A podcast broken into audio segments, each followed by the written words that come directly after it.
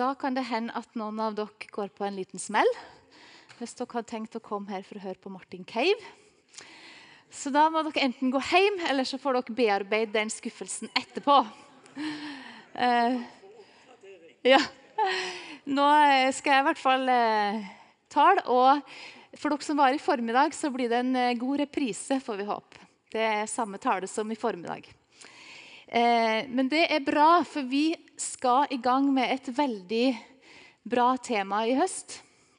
Som heter 'Å finne veien tilbake til Gud'. Eh, og Det var noe som vi hørte om når vi var på Åpen himmel i sommer. Eh, og som vi tenkte at dette er så bra og så relevant og så viktig at det har vi faktisk lyst til å bruke hele høsten på.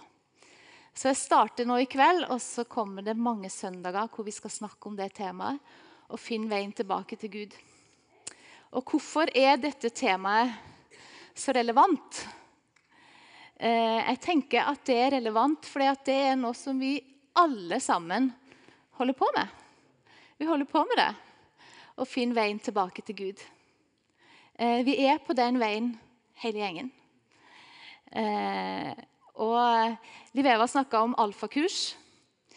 Jeg tror det er et kjemperedskap i akkurat det her å hjelpe mennesker til å finne veien tilbake til Gud. Men når jeg gikk på alfakurs, da var jeg, jeg tror jeg var 28 år. Da hadde jeg egentlig vært kristen hele livet, men for meg så ble det alfakurset eh, en utrolig sånn dere, trosstyrkende greie. Fordi at jeg traff så mange som hadde akkurat blitt kristen som var på gruppa mi, og høre den måten og den forandringen det betydde i livet sitt, det gjorde så inntrykk på meg at jeg tenkte jeg må ha tak i mer. Eh, så jeg bare anbefaler de onsdagskveldene.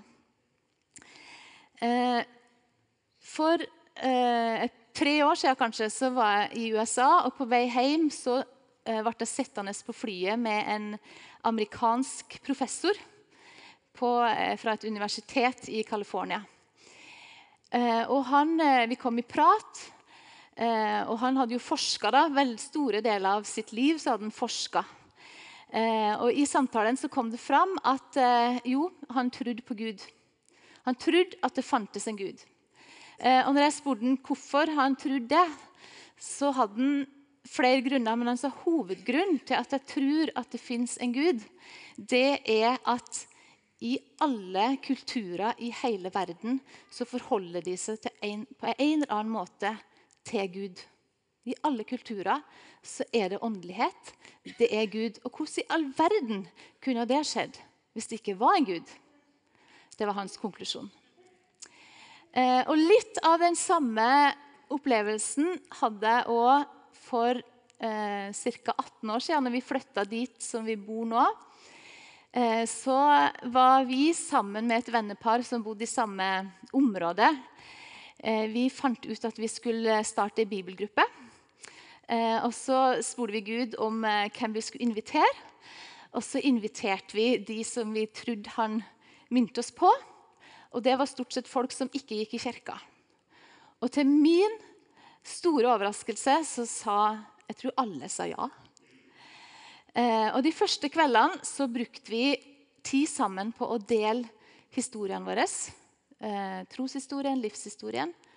Eh, og i alle disse historiene da, til disse menneskene så var det jo så mange gudserfaringer og så mange spor av tru. Så sjøl om de ikke hadde tilhørigheten kanskje til en menighet, så hadde de trua de trodde. De hadde aldri slutta å tro på Gud. Eh, og Jeg husker også at, eh, jeg husker ikke om det var før eller etterpå det, men jeg i hvert fall så eh, på TV-pastoren på TV 2, Egil Svartdal. Og så, I det programmet så reiste han til Utsira. Og så gikk han rundt i bygda og intervjua folk. Snakka med folk. Og Blant annet så snakka han med kirketjeneren. Og så spør han kirketjeneren tror du på Gud. Ja, det, det gjorde han.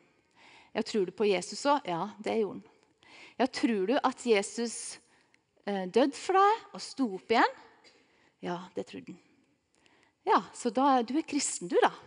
Nei, nei, nei, nei, det var han ikke. Han var ikke det. Han var ikke, han var ikke blant de.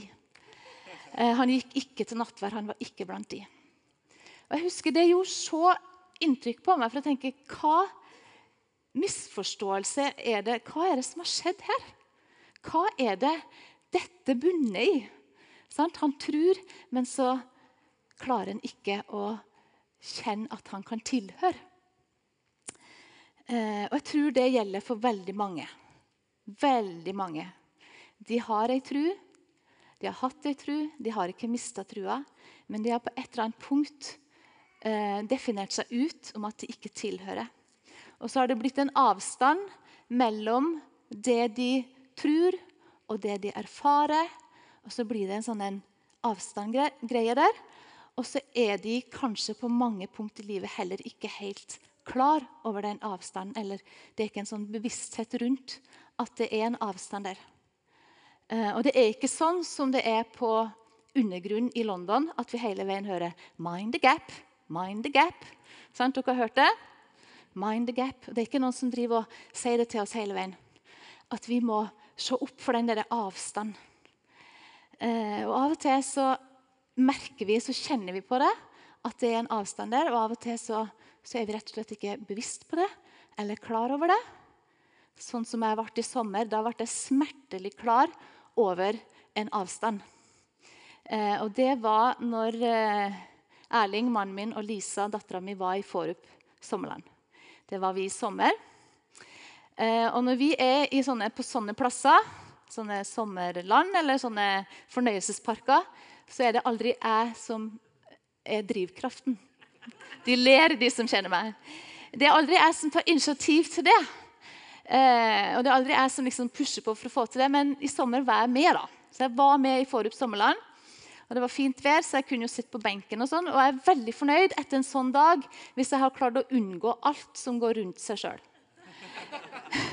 For hvis jeg er med på noe som går rundt sånn, så blir jeg kvalm resten av dagen. Så det er jeg kjempefornøyd. Så det var jeg ikke med på. Men jeg var med på padletur. Sånn der padlebåt, vet du. Har dere vært på det? Når du padler rundt. Og det er jo utrolig koselig og idyllisk, og det er jo liksom ingenting som går rundt. Eller, ja, det, er liksom, det, er bare koselig. Så da var jeg med. Eh, og når vi hadde padla et par runder, så skulle vi gå i land, og vi var liksom kommet inn til brygga. Så hopper Lisa i land og tar tauet og skal liksom holde det, og så skal jeg gå i land. liksom, Trampe over. Og idet jeg tramper over, så klarer ikke hun helt å holde den båten, så den begynner å sige ut igjen. Og Det betyr at jeg blir sånn utrolig ubalanse og kjenner at oi, dette går ikke helt bra. Og Det første jeg tenker på, det er at eh, i veska mi så har jeg mobilen, jeg har lommeboka, jeg har liksom verdisakene. Så jeg tenker jeg må i hvert fall få det på land. Så jeg bare liksom strekker meg og hiver det på land. Og så Idet jeg får heve det på land, så er det en sånn en påle der, eller en sånn en greie, så jeg prøver å liksom ta tak i den. Tenker dette går ikke. Fordi at handa sklir. Og så bare dette, og så dette ikke i båten, men dette fint ut i vannet. Med hele meg. Og når jeg kommer opp, så er jeg rett og slett dassblaut. Og det står masse folk og kikker på meg.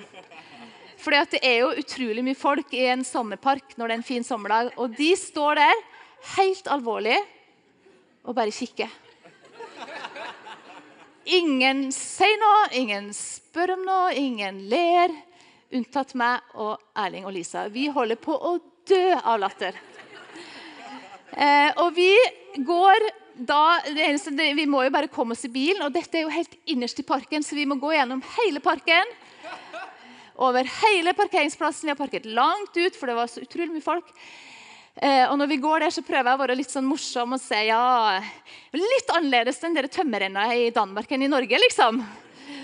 Eh, prøver å snakke litt sånn høyt, sånn at eh, folk skal skjønne at jeg har vært i tømmerrenna.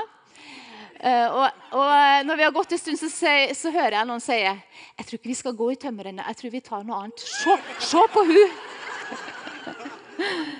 Eh, ja.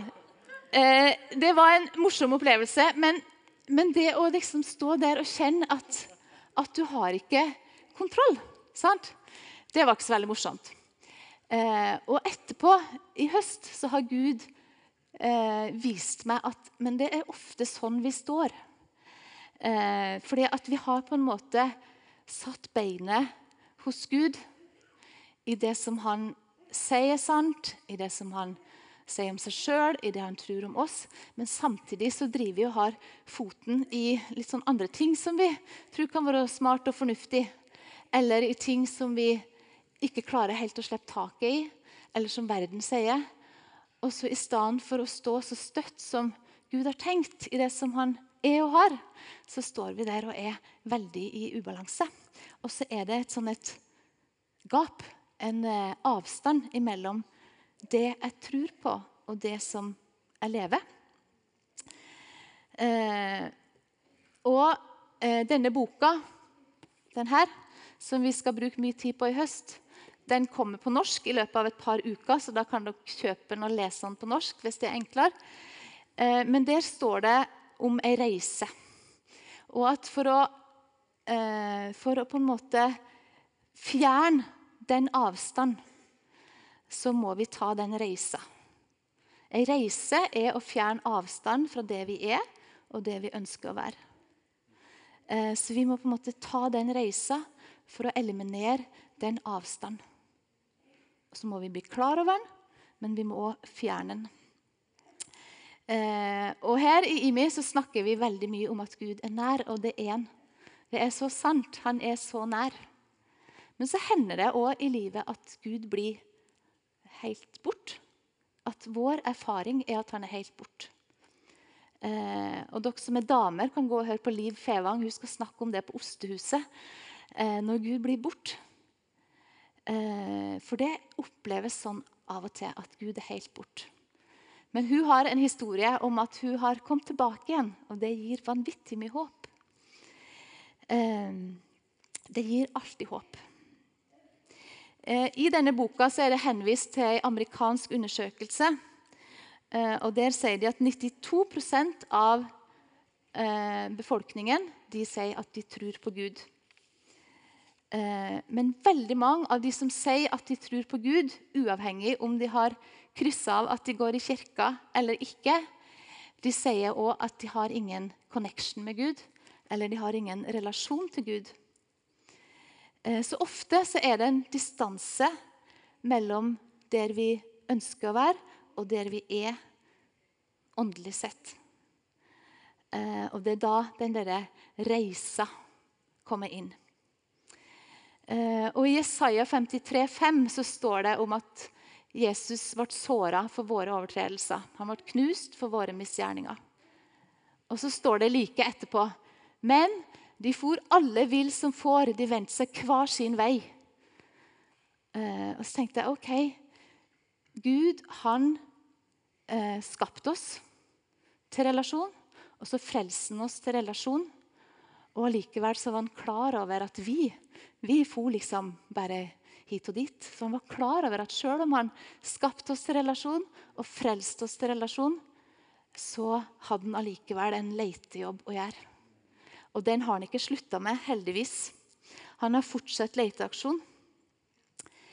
Eh, og før vi skal si noe om hva den reisa er, så må vi si litt om hva den reisa ikke er. Den reisa er ikke å bli mer religiøs. Eh, Jesus han ble ikke tiltrukket av religiøsitet. Var det noe som han tok avstand fra, så var det de religiøse og religiøsiteten. Så det er ikke det det handler om. Eh, og det handler heller ikke om å fjerne all tvil. Eh, jeg tenker at tvil er ofte en liten del av det å tro. Og når jeg tviler, så er det gjerne et rop om tro. Eh, sånn at i trua så vil det være en, eh, være en eh, være plass for tvil. Og nå så går jeg i ei gruppe med mange flotte damer. Noen av de har trodd hele livet, noen av de har akkurat begynt å tro. Og noen sier at de klarer ikke å tro ennå. Og hun ene, når hun laga sånn Facebook-gruppe for oss helt i starten, når vi starta, så ga gruppa et navn. Og Navnet på den gruppa er for de som tror, tviler, undrer eller ikke helt finner ut av det. Eh, og når hun laga det navnet, så tror jeg hun tenkte at nå, nå, jeg, nå får jeg med alle. liksom. Dette er alle oss. Tror, tviler. Mm, sant? Dette er alle oss.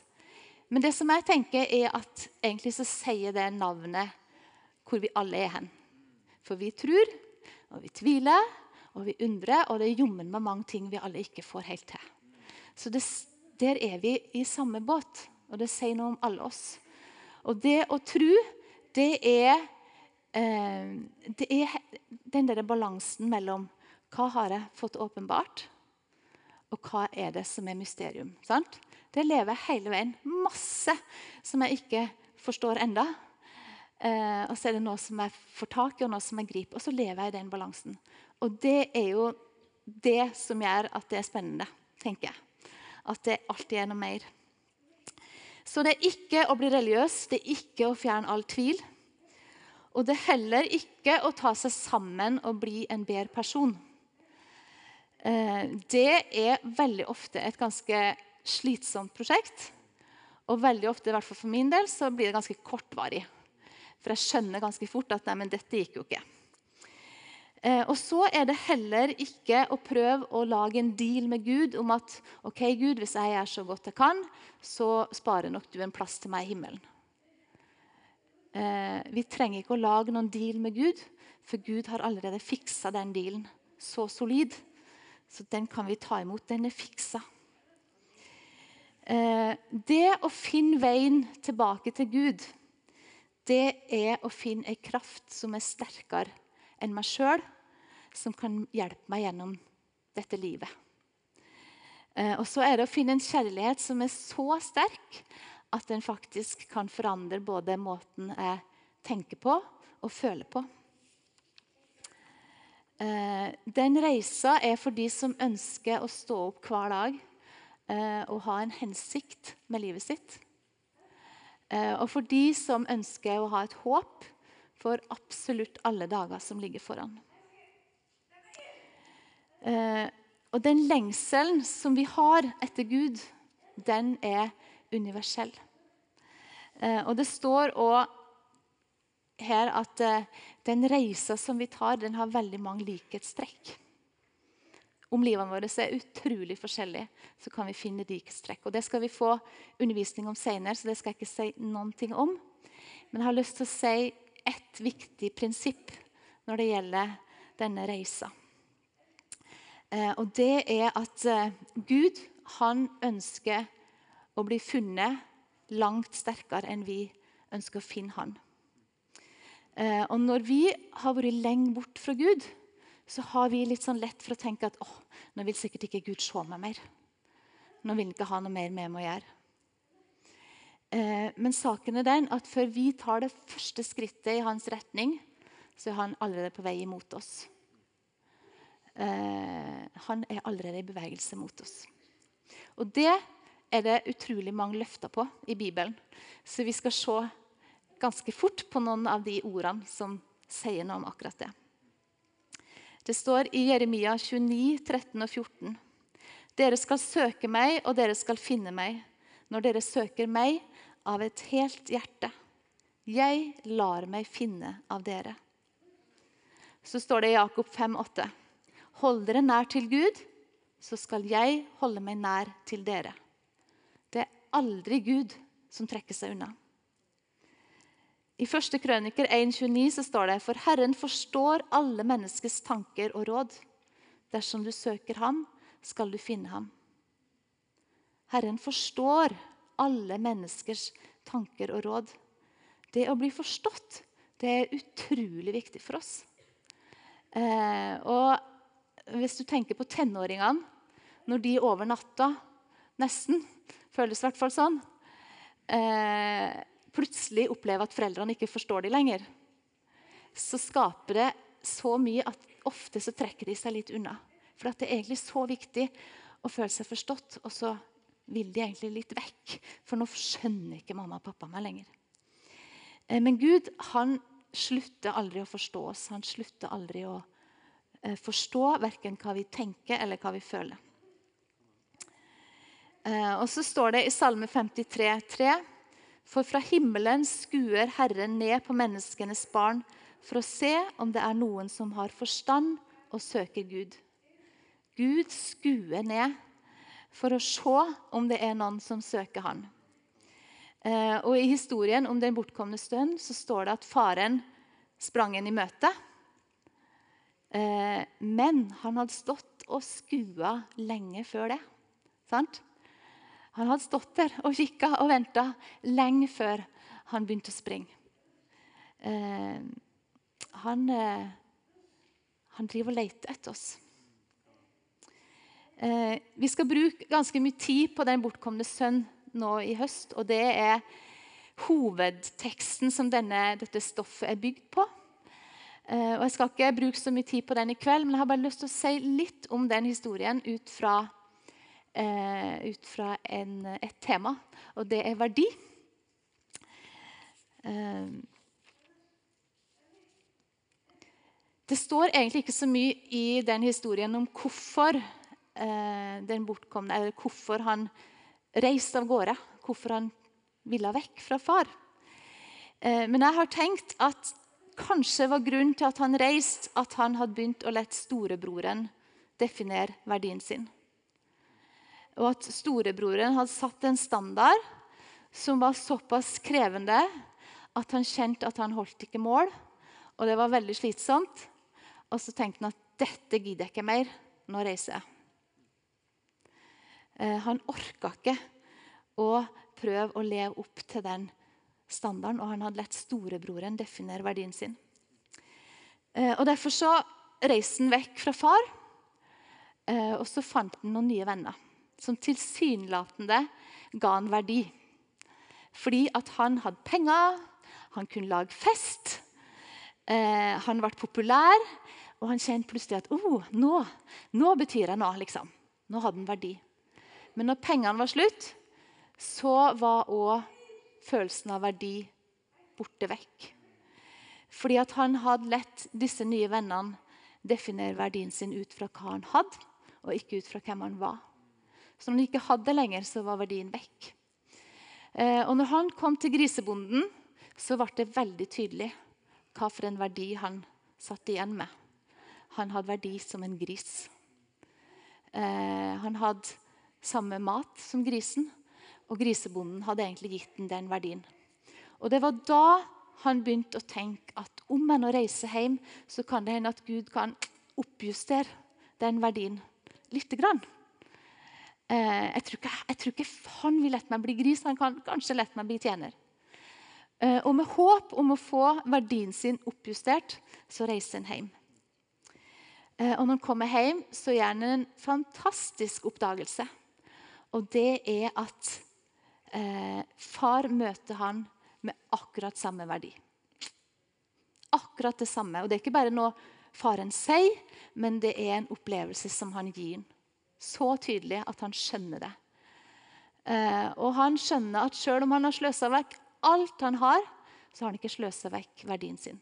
Den er helt og fullt lik som han alltid har vært. Eh, det går faktisk ikke an å miste den, uansett hvor mye annet vi sløser vekk. Eh, hos Gud så er den alltid konstant. Eh, men det å bevege meg vekk fra Gud kan få konsekvenser for hvordan jeg sjøl opplever min verdi. Og mine dypeste lengsler om å bli elska og om å bli verdsatt ubetinga, kan fort ende opp med at jeg leter på feil plass. Eh, og det kan fort ende opp med at det egentlig fører meg lenger vekk fra Gud enn nærmere Gud. Fordi at jeg leter på feil plass. Jeg kunne ha lest historien om den bortkomne sønn, men jeg skal lese en annen historie som er litt nyere dato, som handler om Linda Jeg tror vi skal få et bilde av Linda. Eh, hun er jeg veldig glad i. Eh, og hun har en historie som har gjort veldig inntrykk på meg. Og jeg har faktisk lyst til å lese den til dere. Og så vil jeg at dere skal lytte til historien, og så skal dere høre etter hva sier denne historien om verdi. Hva sier den om det vi akkurat har snakket om nå?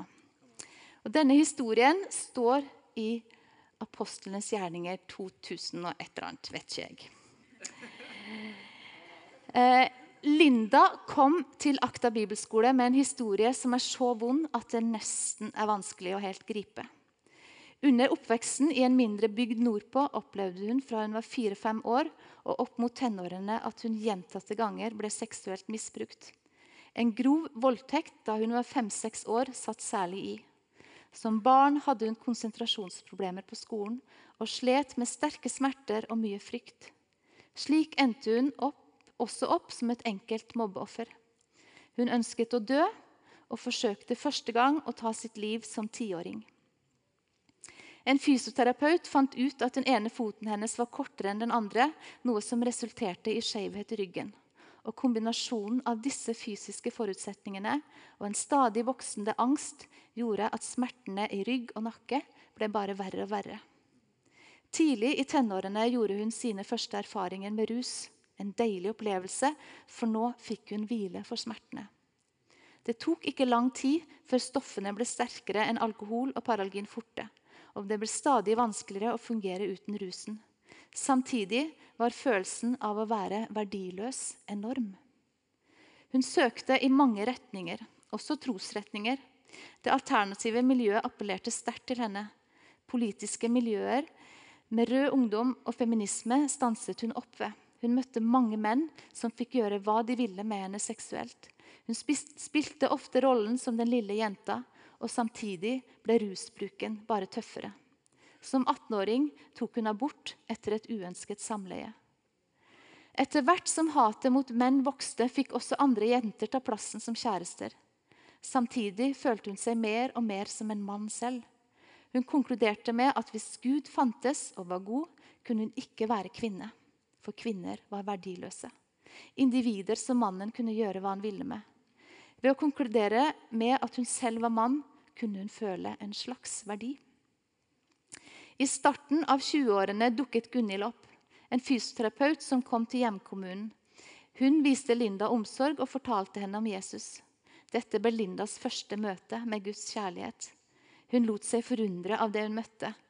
Hun hadde hørt kristne forkynnere før, men nå møtte hun også en som levde det hun forkynte. Hun sier, 'Jeg hadde mange ting i livet mitt. Kjæreste, rus, familie og mye annet. Men jeg hadde ikke engang halvparten av den kjærligheten hun hadde.' Linda så en som levde ut Jesuslivet i hverdagen. Det, først, det førte til at hun selv ble nysgjerrig på Jesus. Hun begynte å lete etter ham, uten at det brakte henne inn på en strak vei mot et lettere liv. Hun brøt opp for partneren sin, lette etter Jesus i hippiemiljøer og endte i et enda tyngre rusmiljø. Nå så de fleste rundt henne at hun var på vei mot døden.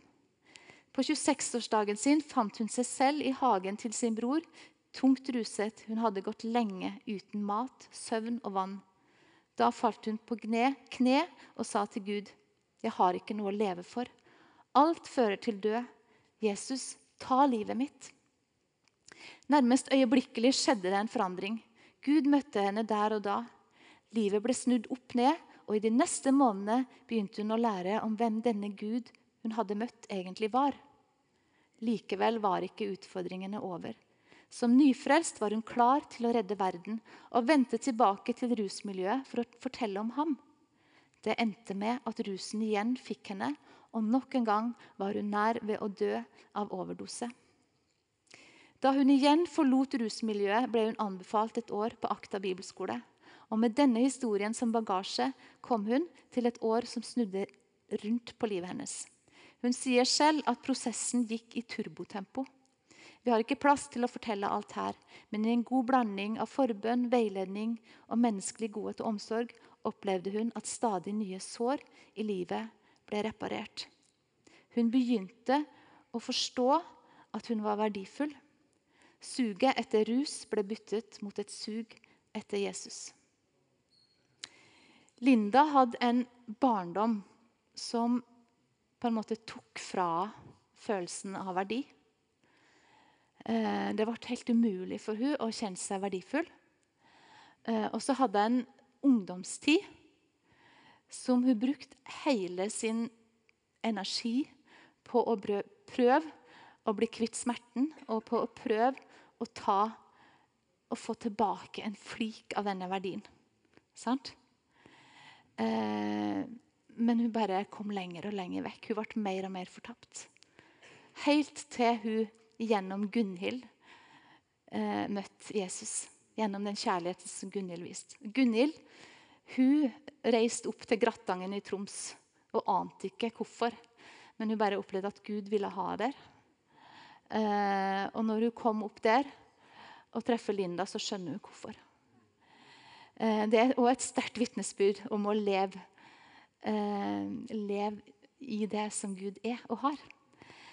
Eh, og nå Jeg hadde egentlig invitert Linda hit i kveld, for jeg tenkte åh, jeg må ha med meg. Men hun er altså i Tromsø og er i Nordic Mission. Og i helga så er jeg sammen med Håkon Fagervik, som kanskje noen av dere kjenner. Og har møtehelg i Tromsø, så hun kunne ikke komme. Men hør hva hun sier i slutten her på vitnesbyrdet. Jeg som mislyktes som mor, bruker nå han som mor til foreldreløse.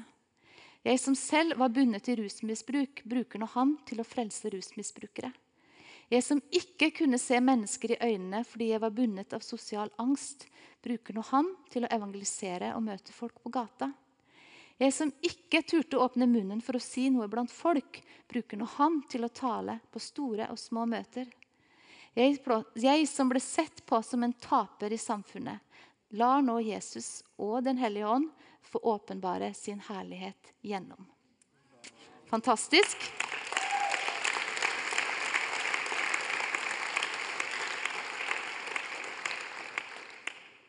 Eh, og begynn å vakle i sin identitet eller mist følelsen av verdi, kan føre til at vi tar dårlige valg. Eh, men enda verre det at vi er fortapt for lenge, kan føre til at vi begynner å identifisere oss med denne fortaptheten. Og vi begynner å tenke at vi er denne fortaptheten. Eh, kanskje vi tenker at jeg er en som ikke fikser relasjoner. Eller jeg er en arbeidsnarkoman. Jeg er et offer. Jeg er arbeidsløs. Eller som Linda jeg er en mann. For der kunne jeg hente ut tror du, bitte grann verdi. Vi skal møte en person til. Han kunne heller ikke komme. Men vi skal møte Harald sin historie. Harald han leste denne historien, for den står i boka 'Jesus som forbilde'. Mange av dere har sikkert lest den der. Og Han leste den historien. Og I den historien så fant han egentlig ikke sånn kjempemange likhetstrekk med sin historie. Men historien gjorde allikevel uslettelig inntrykk på han. Fordi at han skjønte at eh, det som han leste her, det var fram til da noe han hadde trodd bare han kunne lese om i Bibelen. Når Jesus gikk på jorda. Men når han leste den historien, så skjønte han at vet du hva? Gud kan faktisk gjøre akkurat like sterke ting gjennom oss kristne i dag. Og så kjente han at oi, her er det et kjempegap mellom det jeg tror på, sier jeg tror på, og den måten jeg lever. Eh, og Det gjorde, gikk så djupt inn at han Harald, som da hadde en flott jobb, en bra jobb med god inntekt, han var leder, han bestemte seg for å ta permisjon i jobben sin. Og han søkte på instituttet. Eh, og han tenkte jeg vil sette av et helt år hvor jeg kan eh, finne ut hvordan kan jeg få tak i dette her. Jeg må dit som Linda var, for jeg må finne ut hvordan kan jeg eliminere dette gapet som jeg kjenner på i livet mitt. Eh, og Harald han sa til meg i telefonen på torsdag når jeg snakka med han Det ble ei reise som ble så grunnleggende for meg og satte meg fri fra ting som hadde hindra meg i min relasjon med Gud. Jeg beveget meg fra noe som jeg holdt for å være sant, til et liv. Fra kunnskap til kjennskap. Eh, både Harald og Linda de fikk planta begge beina sine i sin rette identitet. Eh, og Det er så viktig for oss. For det er så fort gjort å begynne å gå tilbake i det som er løgn. Eh, og når vi gjør det, når vi begynner å plassere foten i løgn, så får det konsekvenser for hvordan vi oppfører oss, hvordan vi tenker. Eh, og er du f.eks. midt i en skilsmisse, så er det så lett å tenke at jeg er liksom den skilsmissen. Men du er så mye mer enn den skilsmissen. Du er fremdeles ei elska datter av Gud eller en elska sønn av Gud. Eh, og Jeg kjenner ei dame veldig godt som for veldig mange år siden, før, ganske lenge før jeg ble kjent med henne, så ble hun skilt. og Hun hadde vært gift veldig kort tid. Eh, og hun bodde en plass hvor det var veldig uvanlig at eh, folk fra kristne familier skilte seg. Så hun grudde seg utrolig til å si dette her til sin, til, sine, til sin familie og til sine venner. Og Den hun grudde seg aller mest til å si det til, det var faren sin. For han hadde utrolig respekt for, hun var utrolig glad i ham, og hun var så sikker på at han kom til å bli så lei seg. Så hun holdt igjen og utsatte, men til slutt tenkte jeg jeg må bare si det til han, For at han må få høre om dette, hva som skal skje nå, før, før han får høre det en annen plass. Så hun reiste hjem til han, satte seg på kjøkkenbordet og fikk stotra fram eh, hva som var i ferd med å skje i livet hennes. Eh, og Så blir faren bare helt stille og kikker på, og hun tenker åh, hva kommer nå? Så kikker han bare på henne og så sier han, Men du, du vil alltid være godveita mi, du. Eller godjenta mi. Eh, jeg tror den reaksjonen sier veldig mye om hvordan Gud er. For Gud han er aller mest opptatt av å bekrefte relasjon. Sant? Uavhengig av hva som skjer med oss, hva vi fikser, hva vi ikke fikser, så er Gud så klar for å komme og bekrefte den relasjon som man har og ønsker å ha med oss. Eh, men når vi roter oss bort, så begynner vi ofte å tvile på den plassen eller på den relasjonen. Eh, og Det fører ofte til at vi holder oss litt unna. Eh, men Gud er alltid den som vil komme og bekrefte relasjonen. Den bortkomne sønn han tvilte jo ikke på at faren fantes lenger. Sant? Han hadde ikke noe tvil om det. Han visste hvor han skulle reise, han visste hvor han var. Men han tvilte på at han kunne tilhøre lenger. Så målet for den reisa vår, enten den er det gapet som vi snakker om, eller vi ikke har tatt imot det som Jesus har for oss, så er målet å komme hjem. Og Det skal jeg snakke om litt til slutt nå. Hjem. Eh, jeg har tenkt at når den bortkomne, eller når den sønn reiser hjemmefra, så idet han på en måte får arven, sier ha det til faren å reise, så har jeg tenkt at nå er han på vei bort. Eh, men når jeg jobba med den talen her, så har jeg skjønt at egentlig når han snudde ryggen til faren og begynte å gå, så hadde han allerede begynt på heimveien. Men han tok en lang omvei. Eh, sant? Og Ofte så tror jeg det er sånn at eh, vi må kanskje finne ut og erfare litt hvor den verdien ikke finnes. Eh, eller hvor den kjærligheten ikke er. Eh, og at eh, vi begynner å søke på feil plass. Og sånn som Linda, så måtte hun kanskje finne ut hvor hun ikke kunne finne det, før hun kunne ta imot det der det var hos Gud. Eh, så å finne veien tilbake til Gud det handler om å komme hjem, eller hjem. Eh, et møte med Gud handler ikke først og fremst om hva vi skal slutte med, men det handler om hva vi skal ta imot. Eh, det handler ikke først og fremst om hva vi må gi opp, men det handler om hva vi kan motta. Gud han er relasjonsorientert og ikke prestasjonsorientert. Prestasjonsorientert det var det storebroren som var. Og Jeg kom på det i formiddag når jeg tala den talen at jommen meg har fire storebrødre, og i oppveksten så var de jommen meg prestasjonsorientert. De konkurrerte om alt. Så jeg vet hva prestasjonsorienterte storebrødre Men jeg er veldig glad i det, altså.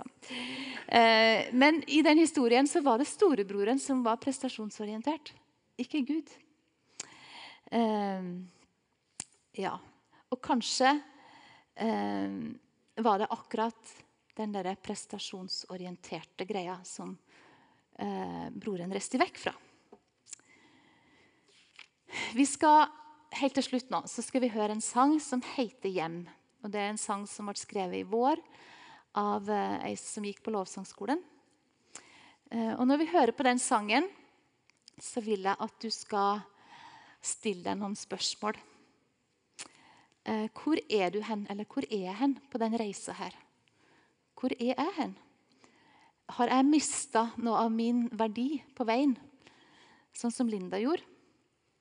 Eller er gapet mellom kunnskap og det livet jeg har, blitt stort, sånn som det var for Harald? Er det et gap? Mind the gap? Er det noe som jeg må bli klar over? Eh, eller har jeg landa med begge beina eh, trygt i min verdi? Har jeg funnet hjem? Har jeg funnet hjem? Eh, og så vet jeg at uavhengig hva du svarer på de spørsmålene, så vil jeg òg at du skal tenke at denne sangen er en invitasjon. For et møte med Gud det er alltid en invitasjon til å komme hjem uansett. Akkurat nå. Eh, og jeg syns at den sangen her uttrykker det veldig tydelig. Hvor utrolig tilgjengelig dette er for oss, eh, dette hjemmet. Så Jeg vil lese opp første verset og siste verset, sånn at vi begynner å ta inn ordene i sangen. Og så skal vi høre på den, og så skal vi bare lukke øynene. Eller vi kan se på skjermen, for den kommer som en video. Eh, men så skal vi spørre oss sjøl litt i spørsmålene. Det står Kun ett ord fra meg, så er du her igjen. Overalt så har jeg tilgang til et himmelsk hjem. Du som omgir meg på alle sider, alle steder. I deg har jeg funnet hjem. Herrens hus har mange rom, ett er til meg. Heller én dag her enn tusen dager uten. I din nærhet er jeg i min hensikt helt meg selv. I deg har jeg funnet hjem.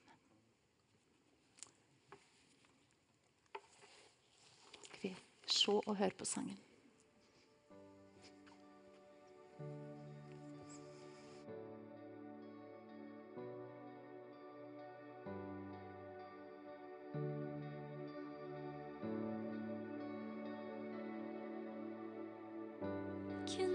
Kun et ord fra meg, så er du her igjen. Overalt så har jeg tilgang til et himmelsk hjem.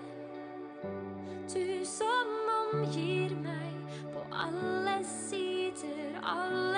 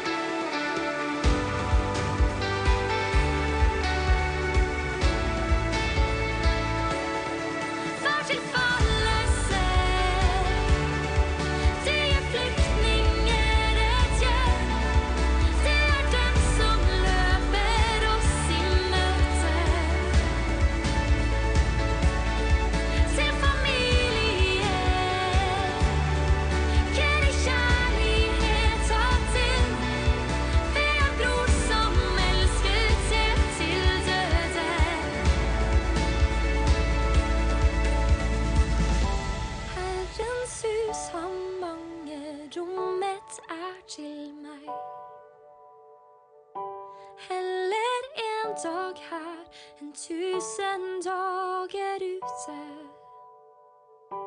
I din nærhet er jeg i min hensikt helt meg selv. I deg har jeg funnet igjen.